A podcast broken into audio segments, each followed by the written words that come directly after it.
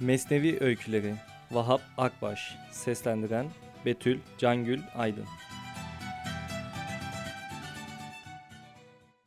Hazreti Mevlana 30 Eylül 1207 tarihinde Horasan bölgesinde bugün Afganistan'ın kuzeyinde kalan Özbekistan sınırına yakın bir yerde bulunan Bel şehrinde dünyaya gelmiştir. Babası Sultanul Ulema, alimlerin sultanı diye bilinen Bahattin Veled'dir. Alim ve arif yetiştiren bir ailedendir ve Belh'te büyük bir öne sahiptir. Etrafında büyük bir saygı yumağı oluşmuştur. Halk ona büyük bir ilgi ve hayranlık göstermiştir. Mevlana'nın doğduğu yıllarda Bel, Harzem Şahların hakimiyetindedir. Bu dönemde siyasi birlik bozulmuş, Moğol istilası da kendini iyiden iyiye hissettirmeye başlamıştır. Bu koşullar altında Bahattin Veled, Horasan'dan göç etmeye karar vermiştir. Mevlana ve babasının kitaplarında bu göçün sebepleri anlatılmamakla beraber, bölgenin siyasi durumundan duyulan rahatsızlığın ve Moğol istilasının vereceği zararları önceden sezmenin bu kararda etkili olduğu düşünülmektedir. Mevlana'nın çocukluk ya da ilk gençlik yıllarını yaşadığı bir zamanda Bahattin Veled, ailesi ve yakınları ile kafile halinde uzun bir yolculuğa çıkar. Kafile, Nişabur, Bağdat gibi şehirlerde konaklayarak Hicaz'a varır. Kafiledekiler hac görevlerini yerine getirir. Şam üzerinden Anadolu'ya geçerler. Bir yolculuğun bir meyvesi de kafiledekilerin Feridüddin Atar, İbni Arabi gibi devrin ünlü bilginleriyle tanışıp onlarla dostluk ilişkileri kurmalarıdır. Mevlana ve ailesi 4 yıl kadar Erzincan'da ikamet etmiş, sonra Karaman'a geçmiştir. Mevlana 17 yaşındayken burada Lala Şerafettin'in kızı Gevher Hatun'la evlenir. Bu evlilikten Sultan Veled ve Alaaddin Celebi dünyaya gelir. Mevlana'nın annesi ve abisi Karaman'da vefat eder. Aile Karaman'da 7 yıl ikamet etmiştir. Selçuklu sultanlarının Bahattin Veled'in ilmi derinliği ve bilgiliğini öğrenip onu ısrarla davet etmeleri üzerine aile Selçuklu Devleti'nin başkenti Konya'ya yerleşir. İki yıl sonra Bahattin Veled 85 yaşında vefat eder. Çok sayıda insanın katıldığı bir cenaze töreniyle toprağa verilir. Mevlana 24 yaşında babasının makamına geçmiştir. Mevlana'nın eğitimi Kaynaklara göre Mevlana'nın asıl adı Muhammed'dir. Celaleddin onun lakabıdır. Ancak kendisine duyulan saygıdan dolayı ona birçok ünvan verilmiştir. Mevlana kelimesi Arapçada Efendimiz anlamına gelmekte ve bir saygı ifadesi olarak kişi adlarının önüne konmaktayken zamanla Celaleddin Rumi için kullanılan özel bir isme dönmüştür. Bugün Mevlana dendiğinde akla doğrudan Celaleddin Rumi gelmektedir. Bunun dışında Hüdavendigar, Hünkar, Şeyh, Rumi, Molla Rumi, Hazreti Pir ünvanları da onun için sıklıkla kullanılır. Rumi sıfatının kullanılması ise onun çocukluk dönemi dışındaki bütün ömrünü Diyar Rum'da, onun yaşadığı dönemde Anadolu'ya verilen isim, geçirmiş olmasından kaynaklanır. Mevlana, babasının çevresinde oluşan geniş ilim ve kültür halkasından edindikleriyle yetinmez, çok ciddi bir öğrenim görür. Tasavvuf terbiyesi alır, tefsir, fıkıh, hadis, dil bilim gibi devrin geçerli ilimlerini yetkin hocalardan öğrenir. Babası vefat ettiğinde onun yerine geçebilecek derecede ilmi donanıma sahip olduğu halde öğrenimini sürdürmeye devam eder. Bunun için Burhanettin Muhakkik Tirmiz'den dersler alır, Şam ve Halep'e giderek Kemalettin bin Adim gibi alimlerden yararlanır. Bu sırada ünlü sufilerle dostluklar kurar, medreselerden yüksek dereceyle icazetler alır. İlim ve tasavvuftaki derinliği onun ününü kısa zamanda Konya dışına taşır. O, artık Doğu dünyasının bütün büyük şehirlerinde saygı ve hayranlık duyulan bir şahsiyettir. Sır olan dost, Tebrizli Şems. Yıl 1244. Konya'ya kimliği hakkında çok şey bilinmeyen biri gelir. Adı Şemsettin Muhammed'dir. Kısaca Şems. Tebrizlidir. O, kara bir çula bölünmüş, coşkulu, farklı tavırlar sergileyen bir adamdır. Gelir, Mevlana ile tanışır ve Mevlana'nın hayatında her şey değiştir. Mevlana, Şems ile öyle derin sohbetleri dalar ki, kendisini derse bekleyen öğrenci ve muritlerinin yanına uzun süre inmez. Onu sevenlerin bu bekleyişleri aylarca sürer. Çünkü Mevlana, Şems'i Allah'ın bir lütfu olarak bilmiş ve kendini onun Allah aşkıyla ve sırlarla dolu sohbetlerine her şeyi, herkes unutacak derecede kaptırmıştır. Hiçbir yere kök salmayıp şehir şehir dolaşan Şems de Mevlana'yı dost bilmiş, onun önünde boyun eğmiştir. Bu durum Mevlana'nın öğrenci ve muritlerini rahatsız eder. Bu adam kim oluyor da şeyhimizi ırmağın saman çöpünü kapıp sürüklediği gibi kapıp bizden ayırıyor diye söylenmeye başlarlar. Kıskançlıklar, kızgınlıklar, homurdanmalar o kadar artar ki Şems kimseye haber vermeden Konya'dan ayrılır. Aralarında oluşan derin dostluktan sonra bu ayrılık Mevlana'yı derinden sarsar. İlgi ve sevgi bekleyen müritleri onun halini görünce pişman olup üzüntüsünü giderecek çareler ararlar. Mevlana'nın oğlu Sultan Veled Şam'a giderek Şems'i arar. Sonunda bulur ve geri getirir. Mevlana Şems'i çok sevdiği evlatlığı Kimya Hatun ile evlendirir. Ancak bu beraberlik uzun sürmez. Şems yeniden kaybolur ve bu kez bütün aramalara rağmen bulunamaz. Şems Tebrizi sır olmuştur. Mevlana'nın vasiyeti Şems kaybolunca Mevlana için ateşli bir özlem, bir arayış dönemi başlar. Bu özlem ve arayış şiirlerinin yer aldığı Divan-ı Kebir adlı eseri yazdırır ona.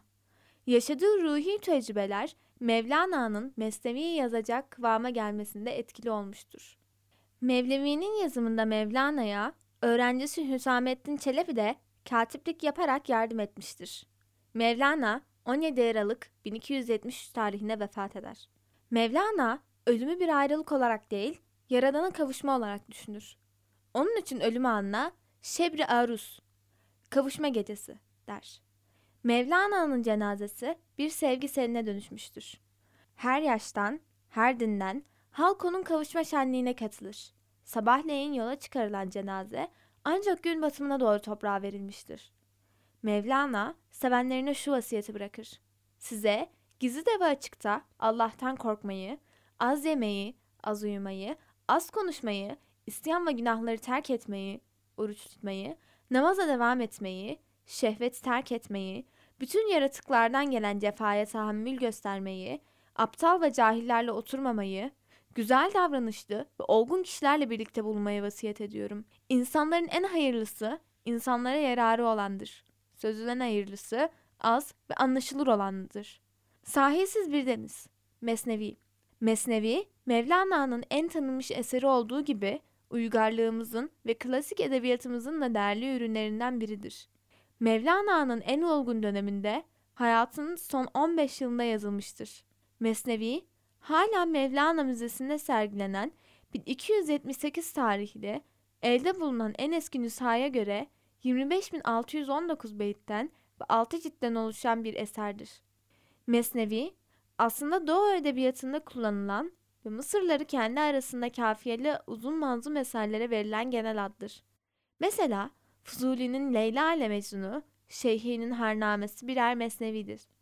Ancak Mevlana eserine güzel bir ad koymadığı ve kitap içinde birkaç kez ondan Mesnevi diye söz ettiği için bu dev eser Mesnevi olarak alınmış ve bu ona adı olmuştur. Mesnevi öğretici bir eserdir. Konular sıcak bir söyleşi üslubuyla anlatılmıştır.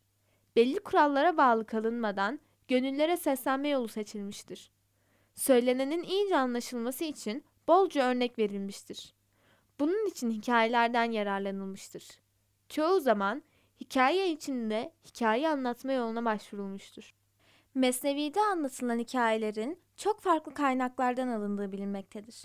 Başta Kur'an-ı Kerim ve dinler tarihi olmak üzere Hint ve Fars kökenli Panchatantra, Katha Sarit Sagara, Kelile ve Dinle, Mantık-ı Tair, İlahiname gibi eserler bu kaynaklar arasında sayılabilir. Şüphesiz Mevlana hangi kaynaktan yararlanırsa yararlarsın, ele aldığı konuyu olabildiğince güçlü ve derinlikli anlatabilmek için kendi üslubunu da Mesnevisindeki hikayelere katmıştır. Dini, tasavvufi bilgileri, bütün insanlığın ortak değeri olan kavramları, birçok ayet ve hadisi içerdiği için Mesnevi, bütün İslam dünyasında ilgi toplamıştır. Bu ilgi yıllar geçtikçe Müslüman olmayan insanlara da yansımış, onların da Müslümanlarla ortak evrensel değerler temelinde buluşmasına aracılık etmiştir. Mesnevi, ahlaki değerleri ve ideal bir toplumda uyulması gereken kural ve davranışları içerdiği için toplumsal bir değer olarak görülmüştür. Bütün İslam coğrafyasında okunan temel kitaplar arasında en başta gelenlerden biri olmuştur. Onu açıklayan çokça eser yazılmıştır. Aradan geçen yaklaşık 700 yılı aşkın süreye karşın bugün bile Mesnevi okumaları özellikle Anadolu'da bir gelenek halinde devam etmektedir. Hem dem taze, her dem genç. Mesnevi, 13. yüzyıl Anadolu'sundan çağlar boyunca bütün insanlığa seslenen bir eserdir. Bu hiç şüphesiz Mevlana'nın yaşadığı şehrin ve çağın ahlak ve kültüründen yola çıkarak bütün insanların her devirde sahip olması gereken değerleri sıcak, çarpıcı bir anlatımla, yürekten gelen bir sesle anlatmasından kaynaklanmaktadır. Mesnevi'de aşk, ahlak, ilim, akıl, hakikat gibi yüzlerce kavramın yanı sıra iyilik, kötülük, cömertlik, cimrilik, dünya hırsı, bilgelik, yardımseverlik, doğru ve yanlış dindarlık gibi güncelliğini her zaman koruyan konuların ele alındığı nefis hikayeler anlatıldığını görüyoruz. Bu özellikleriyle Mesnevi, her çağa hitap ettiği gibi her yaşa ve zümreye de hitap etmektedir. Çocukluk ve ilk gençlik dönemlerini yaşayanlar Mesnevi'yi bir uçsuz bucaksız masallar denizi olarak görebilir. Son derece zengin bir bitkiler ve hayvanlar alemi içinde mutlu, eğlenceli, heyecanlı zamanlar geçirebilir. Kişiliğini şekillendirme dönemindeki genç insan için Mesnevi, belki yüzlerce ciltte bulamayacağı bilgi ve hikmetleri, yol ve yöntemleri severek sindirebileceği bir hazinedir. Felsefeyle, doğa bilimleriyle, din, tasavvuf ve ahlakla, edebiyatla, özdeyişlerle ilgilenenlerin her biri için Mesnevi'de girip gezinebilecekleri derin vadiler vardır. Tasavvufi kodları henüz çözemeyen, ince mecazları, Mevlana'cı kimi zaman özellikle gizlenmiş manaları kavrayamayan gençler için Mesnevi'deki hikayeler sonsuz bir denize açılan kapı niteliğindedir. Yorulmadan okunacak, keyif alınacak her hikaye aslında bir insanlık ders taşımaktadır. Her hikaye daha derin, daha kapsamlı düşüncelerin kavranabilmesi için anlatılmıştır. Mesnevi'de toplam 254 hikaye yer almaktadır. Elinizdeki çalışmada bu hikayelerden 76 tanesinin öykü formunda uyarlamalarına yer verilmiştir. Öykülerin özgün formları için Süleyman Nahifi tarafından çevirisi yapılan ve Amil Çelebioğlu'nun sadeleştirdiği Mesnevi-i Şerif, Timaş Yayınları, Kasım 2010, İstanbul nüshasından yararlanılmış, Mesnevi'deki cilt ve beyt sıralaması esas alınmıştır. Bu öyküleri okuyup anladığınızda bir bakıma kendinizi Mesnevi'nin kapısından girmeye hazırlamış olacaksınız. Öyleyse bu kitabı sonsuz bir okyanusa, zengin bir manevi dünyası olan Mesnevi'ye kulaç atmanın bir vizesi olarak okumayı deneyebilirsiniz. Keyifli okumalar. İki arı bir yerden gıda alır, fakat birisinden zehir, birisinden bal olur. Kel papağan. Bir bakkalın sevimli, rengarenk tüylü, üstelik de konuşabilen bir papağanı vardı. Bu papağan alışverişe gelenlere güzel sözler söyler, onlarla şakalaşırdı. Bakkalın dükkanı bu şiirin papağanın güzel sözlerini dinlemek için gelen müşterilerle dolar taşardı. Bu papağan bakkal dükkanda bulunmadığı vakitlerde dükkana bekçilik de ederdi. Bir gün papağanın sahibi evine gitti. Papağan da her zamanki gibi dükkana göz kulak oluyordu. Ansızın bir kedi fare yakalamak niyetiyle dükkana daldı. Zavallı papağan kediyi görünce can korkusuyla dükkanın bir ucundan diğerine uçtu. Bu sırada bir gül yağı şişesine çarparak onu devirdi. Devrilen şişenin içindeki yağ bakkalın koltuğuna da sıçradı. Bir süre sonra bakkal geldi. Gönül huzuruyla yerine oturdu. Ancak çok geçmeden gördü ki dükkan içinde yağ kalmış, üstelik güzelim elbisesi de yağlanmış. Bu duruma öfkelenen bakkal papağanı suçladı. Kızgınlıkla yerinden kalktı, gidip papağanın başına sertçe vurdu. Darbenin etkisiyle papağanın dili tutuldu. O güzel renkli tüyleri döküldü ve başı kel oldu. Mekanın neşesi papağan konuşmaz olunca müşteriler de dükkana uğramaz oldular. Bakkal çok pişman olmuştu. Durmadan ah edip duruyor, saçını başını yoluyor ve diyordu ki Yazık, çok yazık. Sevgili papağanım benim. Nasıl kıydım o güzel sesliye? Elim kırılsaydı da vurmasaydım ona. Aradan üç gün ve üç gece geçti. Bu sürede bakkal kuş konuşturabilmek için elinden geleni yaptı. Fakat kuş gagasını açıp da tek laf etmedi. Bakkal dükkanında ağlamaklı, ümitsiz, ne yapacağını bilmez bir halde oturuyordu. O sırada dükkanın önünden bıyıkları, sakalı, kaşları ve başı tıraşlı bir derviş geçti. Bunu gören papağan hemencecik dile geldi ve dervişe seslendi. Ey derviş sen neden kel oldun? Yoksa sen de mi raflardaki şişeleri devirip gül yağı döktün? Yoldan geçenler papağanın derviş kendisine benzetmesine katıla katıla güldüler. Ey makam sahibi! Eğer bir zulümde bulunursan o senin karanlık kuyun olur. Tavşanın aklı. Yemyeşil bir ovada birçok hayvan bir arada yaşıyordu. Ancak bir aslan yüzünden çok huzursuzlardı. Çünkü aslan sürekli pus kuruyor ve büyük küçük ayırt etmeden önüne gelen her hayvanı avlıyordu. Aslan, güzelim ovayı bütün hayvanları zindan etmişti. Çok güçlü ve acımasız olan aslanla kimse boy ölçüsemiyordu. Bu korkuyla yaşamaya daha fazla katlanamayan hayvanlar toplandılar. Aralarında tartışıp aslana bir teklif sunmaya karar verdiler. Hep birlikte aslanın mağarasına giderek ''Bundan sonra av peşine düşmene gerek kalmadı. İstersen her gün aramızdan kura çekerek belirleyeceğimiz bir hayvan gelip önün olacak.'' dediler. Bu teklif aslanın hoşuna gitti ancak kandırılmaktan çekiniyordu. Onlara şöyle dedi. ''Bu hoş bir öneri. Tabi sözünüzde durarsınız. Anlarsınız ya bana bir hile yapmanızdan çekiniyorum. Şundan bundan çok hileler gördüm çünkü. Hem ben kendi yiyeceğimi kendim avlamaya alıştım. Çakallar, tilkiler gibi başkasının getireceği lokmayı nasıl beklerim? Hayvanlar, aslanın önerilerini kabul etmeye razı edebilmek için çok dil döktüler. Ancak aslanda onlara hemen güvenecek göz yoktu. Diretip duruyordu. Hayvanlar aslana yaptıkları anlaşmaya uyacaklarını dair kesin bir söz verdiler. Ona hiç tasalanma yiyeceğin her gün kesintisiz gelecek dediler. Aslan eğer antlaşmayı bozarsanız şiddetimden korkun diyerek hayvanların önerisini kabul etti. Bu antlaşmadan sonra her gün çekilen kura hangi hayvana isabet ederse o koşarak aslana gidiyordu. Aslan da gelini afiyetle yiyordu. Günün birinde kurada tavşanın ismi çıktı. Tavşan kendisinden beklenmeyecek kadar gür bir sesle artık bu kadar zulüm yeter diye bağırdı. Diğer hayvanlar tavşanın tepkisine şaşırdılar. Biz bunca zamandır verdiğimiz söz uğruna canlar feda ettik. Ey inatçı, sen bizim adımızı kötüye mi çıkaracaksın? Aman dikkat et de aslan incilmesin. Haydi yürü git, çabuk. Tavşan, ey dostlar, hepimizi bu aslanın çektirdiklerinden kurtarmam için bana biraz zaman tanıyın. Öyle bir çare bulacağım ki hepimizin canı kurtulacak.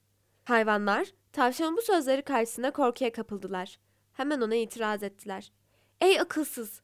Bir tavşan olduğunu unutma. Koskoca asla sen ne yapabilirsin ki? Tavşan, söylenen sözleri duymazdan geldi. Aklındaki planı uygulama konusunda diretti. Diğer hayvanlar tavşanın üstünde daha fazla gitmekten vazgeçtiler. Ancak onun ne yapacağını da merak ediyorlardı. Tavşan, her sırrın açıklanması uygun değildir. Zira iki dudağı aşan sır yayılır diyerek düşüncesini açıklamaktan kaçındı. Tavşan kasıtlı olarak oyalandı. Epey zaman geçtikten sonra da aslanın mağarasına doğru yola koyuldu. Aslan günlük yiyeceği geciktiği için öfkelenmişti. Mağarasında habire dolanıyor, toprağı eşeliyor ve kükrüyordu. Sonunda tavşan uzaktan göründü. Korkusuzca ve çalımlı bir şekilde koşuyordu. Öfkeli, çevik ve ısık suratlıydı. İyice yaklaştığında aslan kükredi. Hey alçak! Ben ki filleri parçaladım.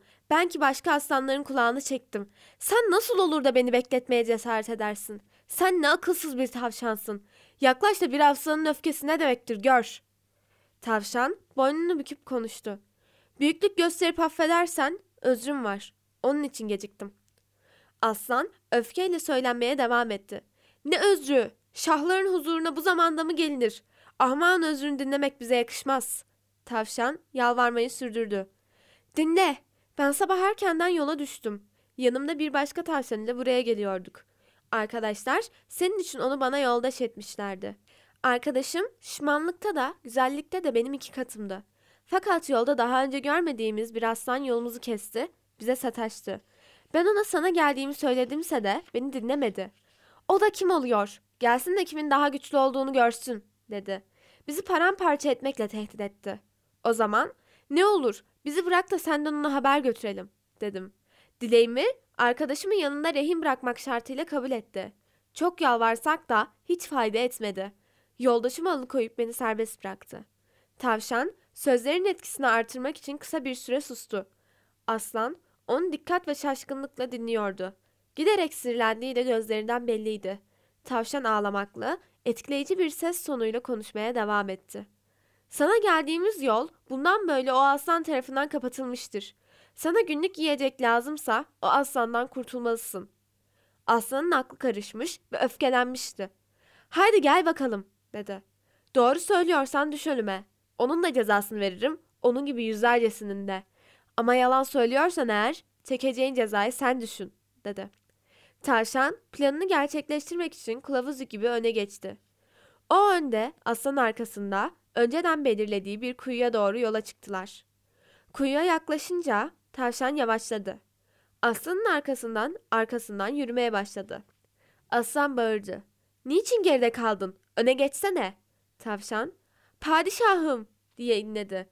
O hain beni öyle korkuttu ki dizlerim tir tir titriyor. Ayaklarım geri geri gidiyor. Lütfen beni affedin. Beni öne geçirmeyin. Aslan, söyle o halde. Nerede bu canına susamış aslan parçası? diye sordu. Tavşan eliyle işaret ederek konuştu. Bakın sizi hiçe sayan o haddini bilmez aslan işte şu kuyuda yaşıyor. Aslan peki dedi. Bir bak bakalım orada mı?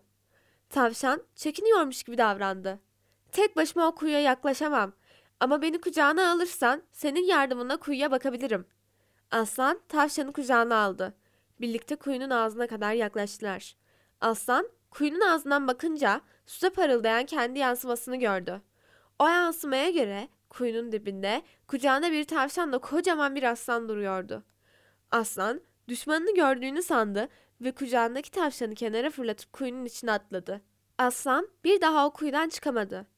Planıyla aslandan kurtulmayı başaran tavşan, sevinçle arkadaşlarının yanına dönerek onlara bu müjdeli haberi ulaştırdı.